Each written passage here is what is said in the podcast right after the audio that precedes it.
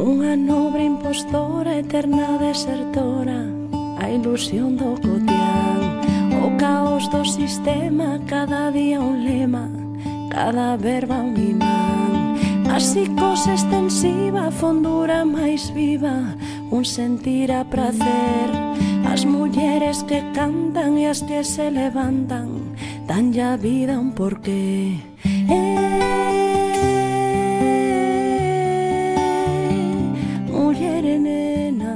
Temos diante neste programa de Oso do Gris ou Violeta unha muller exemplo dese grupo eh, que facemos de mulleres traballadoras. Temos con nos eh, nos estudos de Pontevedra Viva Radio a súa neta, Pilar Morgade González. Benvida. Benvida. Eres eh, a única neta de Regina do Batán, no? Regina Filgueira Monteagudo. Sí, Uh -huh. eh, una muller de, de aquí de Pontevedra, era de... de era de, Xeve, nacida de Fontáns. En, sí, Fontáns, uh -huh. sí, Santa María de Xeve. Uh -huh. E por circunstancias parou en Moraña. Naceu a principios do século pasado, 1908. oh. eso es eh, e xa morreu no 2005. Pero despois dunha vida longa, dura, pero tamén con Sabrosa. moita... Eh, porque antes falaba con, con Pilar, antes de, de abrir os micrófonos, e lle decía, eh, a túa boa era unha muller eh, loitadora, eh, díxome ela, guerreira. Sí. Explícame, explícanos eso, Pilar guerreira, porque mm, loitador é o que loita por algo e salariante punto, nada máis. Ajá. Ela era, eu penso que guerreira abarca todos os, uh mm. -huh. porque ela tanto era loitadora para traballar, era loitadora para poder ir a unha festa, loitadora para berrar, porque mm. berraba como nadie, o sea que era era guerrera... Una muller de romper rasga, ¿no? Romper rasga. Uh -huh. Unha muller eh, que fixo o, o, o que ela, entre comiñas, no? quería, sin, sin ter en conta o que dirán o a miña situación. Ela sabía... Esta, esa situación e adiante. Ela sabía que que estaba eh, casada, tiña un fillo dun ano, cando o marido marchou para América, e sabía que tiña que sacar ese fillo adiante, porque ela vivía vivía con outra prima que estaba casada e tiña outros fillos, porque daquela vivían tres, catro matrimonios nunha mesma casa. Uh -huh. entonces ela eh, quedouse eh, bueno, daquela non había a separación, pero quedouse uh -huh. sola cun fillo, que o home marchou para América e non voltou, uh -huh. entonces ela tuvo quería telo fillo como de calquera, e así sí, foi, sí. tuvo meu pai uh -huh. eh, con un traxe de comunión que foi un, dicen que foi un espectáculo que era o, o, o máis guapo e o máis lindo do, do, uh -huh. da iglesia, dicen, uh -huh. eh? eh entón ela luchou mm, e así foi, pero... Eh, moi noviña, con 18 anos, non? Sí, uh -huh. sí, 18, 20 anos foi cando empezou. El, ela máis unha burra e pandareta.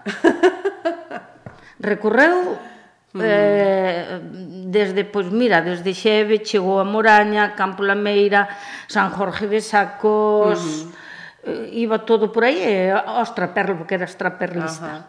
Porque eh, imaginamos, ¿no? esta moza, unha rapaza con 18 anos, ten o seu fillo, o marido marcha, eh, nunca, nunca regresa, ela di, pues, pois, eh, teño que sair adiante, e decide adicarse ao, ao extraperlo. O extraperlo. E por, o extraperlo, ela levaba a pandareta, que ela non empezou a tocar a pandareta a raíz de andar no monte, eh, polo monte, porque cruzaban os montes Ajá. de noite, para que a Guardia Civil non, non, a non a viran, porque Ajá. senón requisaban lle todo e tal. Entón, ela levaba a pandareta para eh, pasar o medo. Ajá. que ela tiña medo. entonces cantaba entre que estaba entretenida e que daba a impresión de que espantaba a calquera sí. bicho ou algo cando vera polo medio, entonces iba tirando camiño. Bichos de catro de dous patas, de todo. sí, sí, sí. Bueno, as de dúas patas non me tiría moito medo. Sabía, sabíase defender. Pero eh, eu imagino eh, que, que grande, porque me, eu non tiño, non teño, perdón, 18 anos, pero coa miña idade e non vou soa, eh? Pero e fíjate, eran outros a tempos. Necesidade, imagina, a ver... Eh, o teu pai foi eh, o maior de dous hermanos, porque hmm. logo tivera outro fillo, de... un home sí, de casado revoltas. que tamén a deixa soa. Foi gracia a expresión as revoltas. claro. A revolta, claro. Sí. Nunca mellor dito a revoltas porque hasta non foi unha segunda parexa estable que foi uh -huh. unha revolta que tuve revolveron. sí. o sea que E, eh, bueno, eh, tuvo ese fillo, claro, ela era nova, Ajá. a sangre, ela era guerrera, sí. ela era boa moza, eh, miraba na sola, miraba en defensa, e como tamén era unha muller hermosa, inchía, sí. inchía. Entonces, e, pois era moi moi divertida e tal, entón ela tamén uh -huh. deixou o facelo xeito porque cariños tamén se queren, non era Home. todo traballar. o que pasa que, bueno... Uh -huh. Eh, dous fixos, eh, dous fillos eh, e ela mm, sigue a, a percorrer as aldeas e os fillos quedan na casa esa onde vivían dous, tres matrimonios xuntos. Ajá. O sea, quedaron a cargo dunha da abuela, máis uh -huh. da prima, máis cos outros primos, uh -huh. todos mezclado, eran como 10, 12 personas nunha casa. Uh -huh. Que daquela non é como agora, me caso e vou para un piso. E non me caso mentres que non tenga el piso. Sí. Daque. Daquela non, casabas ti, había dous ou tres matrimonios na casa, pero ainda estabas alemais. Uh -huh. Donde collía, antes donde collían dous, collían tres. Uh E agora donde colle un non colle ningún. É ao revés. Pasa o tempo, co esa mm, adicación o o extraperlo nunca nunca tivera problemas Espera, ni... pero nese ela andaba o extraperlo, pero sí. ainda era cociñeira de bodas e banquetes. Ah, certo. Ela tamén, cando mm. había bodas, que daquela facían as bodas na casa, Ajá. comunións e todos eses bautizos, todos sí. facían na casa. Ela era que iba, era cociñeira, cociñaba moi ben, moi ben. Ah. Ela valía para todo, para berrar o máximo tamén, eh? o sea que estamos falando as cousas boas, pero uh -huh. as malas tamén era mala, pero a lo máximo. O sea, mala non. Mala nunca fui mala, unha muller Ajá. mala. Fui unha muller de moito carácter, de, de carácter. moito xenio, uh -huh. de moito pero bondadosa. Uh -huh. Ela o que tiña non é isto é para min e ti, non Ela un trociño de pan, se o podía partir ao medio, non era como eu e ti non. Uh -huh. Ela bondadosa, e, que non era cariñosa, uh -huh. era, era toxo.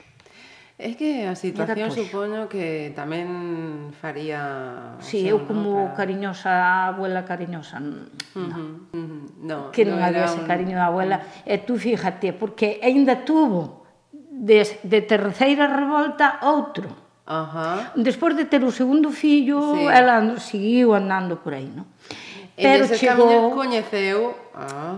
a un tal José Novas, Ajá. que era de Moraña. Ajá. E ese señor era un rapaz novo con 18 anos, era máis novo que ela bastante. Sí, porque ela debería ter daquela unos 30 mm, e eh, algo anos, Sí, ¿no? sí, uh -huh. ele era un rapaz de 18, 20 anos. Uh -huh eh, foi un rapaz que lle cortaran a perna moi noviño. Ajá.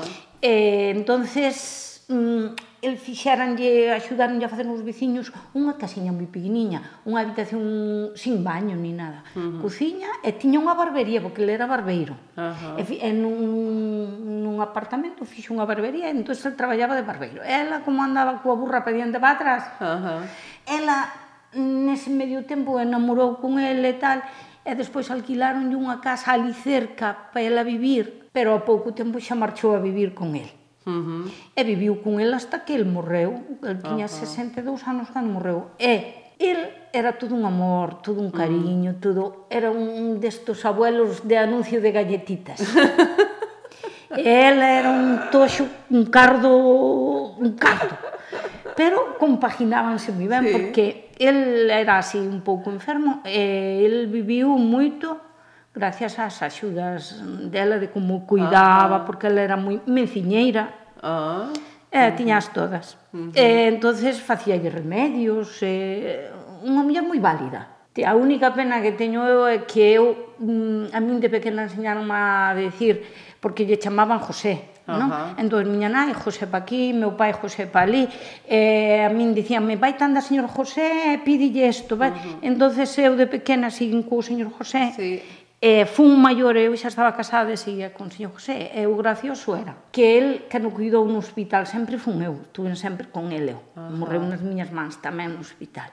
E que, criámonos, pero, bueno. Uh -huh. Entonces, cando estábamos solos, dicíalle, a ver, señor José, poñase para aquí que lle vou poñer isto, a ver, señor José, pero a min doíame chamarlle claro. señor José porque non merecía, uh -huh. pero era incapaz de chamarlle abuelo uh -huh. porque nunca lle chamei, entonces non me... Claro. claro. Uh -huh. E cando había xente diante, dicía, o mellor, eh, dicían, ah, eh, onde vas?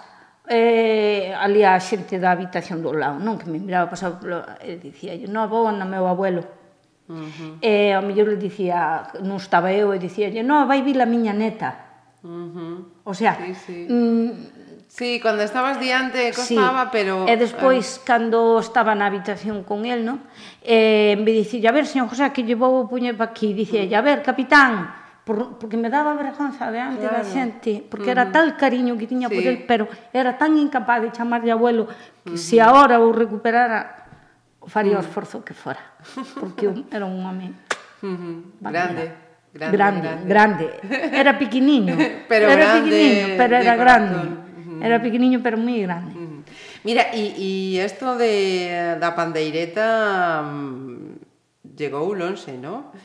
Oi, eh. sí, fixeronlle entrevistas, fixeronlle un homenaje na, no, no Portiño Abrasa en Moraño dunha vez e fixaronlle un, un homenaje, regaláronlle unha pandereta de plata e uh fixaronlle ali uns montajes que, bueno, Ajá. E despois eh, mm, eu un día mm, pasando por Pontevedra, daquela ela vivía sola en, en Moraña. Ajá. No, sola non, ainda vivía o fillo. Ajá. Eh, porque morreron todos moi xuntos. Uh -huh. Un día pasando así por Pontevedra, vexo un escaparate e vexo un cartel cunha pandareteira e tal, e paso, e, na, miña abuela. Dou volta para atrás, puño a miña para o cartel, e dixo, pero é miña abuela. Entro adentro e lle digo ao señor que cando sacara o cartel se mo podía guardar, que era a miña abuela que estaba ali, e sí. dixome, non, non, non, por favor, leva o cartel agora.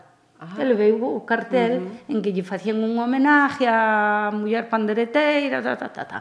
Ajá, que grande. Eh, bueno, así. Porque Eulen, que mm, incluso con 90 años eh, tiña ganas de, de festa. Bruf. De, de ir co con fillo, que le levara... En Vespino. Sí, sí, sí, conta, En conta. Vespino. pois pues nada, que meu tío non conducía, pero tiña unha moto, un Vespino. E, e ela sabía a, que época son as festas, o Sanbreixo, en Barro, ela sempre as festas.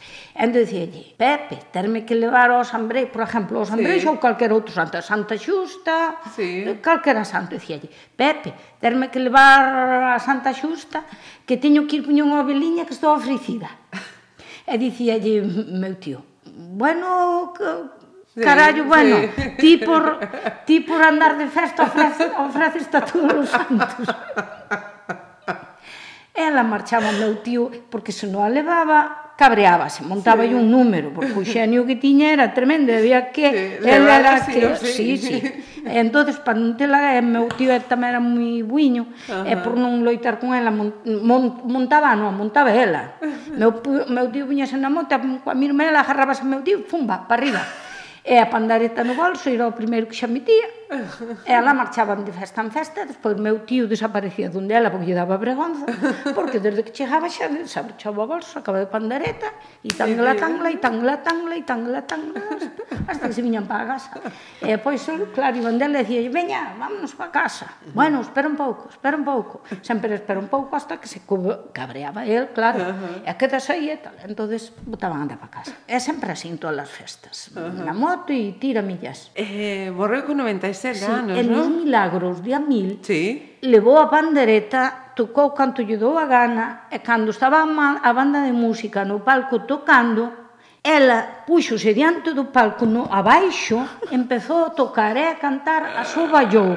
O da banda de música, parou a banda de música e tocou a cantou Regina. E estaba todo aquilo rodeando un, un, a xente toda, facéndolle bueno, coro. Que bueno porque era picarona.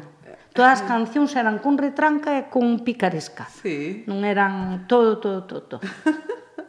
Era moi divertida. No, eh, esto de Regina do Batán do Batán ven? porque o lugar onde onde vive eh, é Sorrego e polo o, o sitio onde está chamanlle o batán ali aquel ah, trozo. Ah, o batán é ben deso, porque onde ten situada a casa ah, é o batán. Uh -huh. eh, Regina morre con 97 anos, hmm. xa estaba contigo sí. e estabas eh, cuidando sí. dela. Comigo marchou aos 91. Uh -huh. E eh, Elín tamén que quizáis pode ser unha, unha receta para, para chegar a esa idade, todas as mañas augardente de ervas. Sí, e vouche contar unha anécdota. Ela toda a súa vida levantábase ás sete e media, oito da mañán, e, bueno, tú imagínate a xente de, desa época non é como a nós que pone el camisón mono Ajá. ni, ni las pantuflas monos sí, sí. ela iba coa súa ela de, desnudabas, eso si era moi limpia planchabas todos os calcetins planchaba os trapos da cociña abrías un caixón sí. e tiña todo planchadito tú, tú mira como era e claro, ela cando iba pa cama desnudabas e tal, pero eh, tiñan esas bajeras que lle chamaban bajeras que son como de mm, como este jersey que tes tú así como de de, de... Sí, algodón fino, ah, así, sí, así, sí, así, sí. marchaban pa cama con sí. eso. Bueno, E cando se levantaba a mañán, así xa se levantaba coa bajerita esa, e o primeiro que facía ala con unhas pantuflas desas de cuadros, sí. marchaba á cociña, collía un anaco así de pan coa man, sí. comía aquel anaco de pan e botaba nunha copa que ela sempre tiña ali encima, unha copiña da chamáballe xastreu a aguardiante de ervas.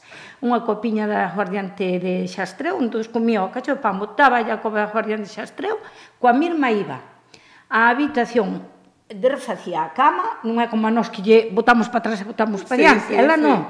Ela sacaba todo, puña todo encima na ventana. Uh -huh. E facía a cama, non, eh, refacía a cama e coa mirma iba Mm, mm, cando morreu xa tiña cuarto de baño.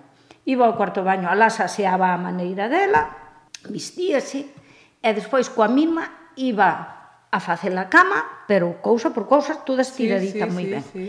E cando tiña a cama feita, iba pa a cociña, encendía a lareira, e o que lle sobrara da noite, se non lle sobrara, e facía un huevo, calquera cousa, se lle sobraba, quentaba a calor do lume da lareira sí. a comidiña, ou sea, a comida non, o desayuno, ah, sí. o desayuno, e quentaba unha taza de viño blanco, puña arrimada á lareira, quentaba e botaba azúcar. Entonces, estou falando que nesto xa levantarías a sete e media oito, estou falando, bueno, presas non había, todo era en plan sí. relax. Coa mirma, eh, xa serían as nove da mañán, nove e media, puñes a comer todo iso contra a lareira. Ajá. E cando acababa de almorzar, botaba toda a louza de, do plato, o sartén, o tarterista, sí, sí, sí, máis sí. a taza do viño, no vertedeiro, enchía o vertedeiro de agua, e pois que facía? Collía a vaca, collía as ovellas, collía a carreta cargada de abono, do que fora, e marcha, non andaba o viaxe en balde, eh? Ajá. Ela tiña que ir mm, sí. o viaxe que non fora ir coa vaca, sí. vir de volta, vir pola carreta, vir de volta levar as ovellas. Non, non, non. Ela xa levaba todo nun viaxe. Ajá. Entón iba coa, cargue, coa carreta cargada do que fora, fora de abono, fora de de calquera cosa. As ovellas atadas, o can e a vaca marchaba para a abeja. Hasta as dúas da tarde a la viña, con todo outra vez. Pero a carreta non viña vacía tampouco, xa traía a erva. A máis a, a vaca farta e as ovellas fartas. Ela viña sempre, nunca andaban sí, sí, sí. E coa mesma xa se facía a súa comidiña e lavaba a louza xa da mañan que deixara ali a amolecer e la apañábase. E con 81 ano mm, puxeronlle unha bolsa e estuvo e estuvo con ela un mes cando a deron de alta fíxome gracia porque iba coa bolsa, non? Entón eu chamei a meu pai e máis a meu tío. O meu tío estaba en Moraña. E uh -huh. chamei no, e dixenlle, vinde eh, que dan a bola Regina de alta e vinde a buscala. E andos, andaban xe polo pasillo paseando, mentres que sí. eu non salía con ela. E eu salín con ela así de ganchete. E saliu agarrada a min, claro, andaba pouco porque sí. estaba dolorida. Tan pronto os avistou a eles, fixo un así co, co brazo, dou así como un codazo, soltouse de min, empezou, corre, corre, corre, corre, meteuse no medio dos dous, agarrou nos de ganchete e até como un trinquete. Ti miro que son os fillos, todo polos fillos. A razón dela que os fillos mm. xa con 60 e pico de anos e 70, inda fui a buscar o cariño dos fillos a rouparse cos fillos. E precisamente creo que, que a pérdida dos, dos fillos foi o que finalmente... Ela, ela morreu triste, uh -huh. de tristeza. Iso foi o que eu notei, porque cantaba e non paraba de falar, e cantaba e cantaba, e, e non falou, nin andou máis cando morreron o segundo? O, o, foi peor do segundo, claro. Uh -huh. O primeiro preguntaba, pero lle quedaba o outro, uh -huh. ainda se foi apañando co outro, empezaba, a meu pai chamaba de Pepe, Pepe, pero despois xa foi, co tempo foi pasando o de Pepe, xa non preguntaba nin chamaba a Pepe, xa dicía Manuel, Manu... non era Manuele, Manuele, non era Manuel, era Manuele, onde estás, ve acá, Uh -huh. Estaba sempre así, eh, terrexaban os dous moito. Tú mira que morreu meu pai tres meses antes que ela, e ela, estando con nós, mm, rompeu unha cadera. entonces estuvo no, na residencia. E tuve que levar a pandereta para que estuvera calmada. e leveina para casa. Mm. E cheguei á casa e leveina nunha silla de rodas porque non podía andar. E senteina nun sofá que temos ali na cociña. Eu marchei lavar a luz. non tardei cinco minutos cando me sinto detrás de miña que me tiran polo, pola saia, miro para atrás, quixose levantar, como non fui capaz, veu de jatas anda a min, e dime, muciña, levántame que non son capaz. Ay.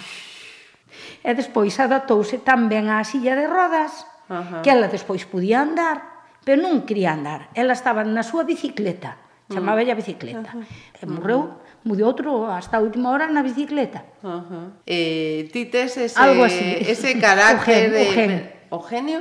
Pero alegría, Pilar. Sí, pero esa... non sei tocar a pandereta. Nin canto.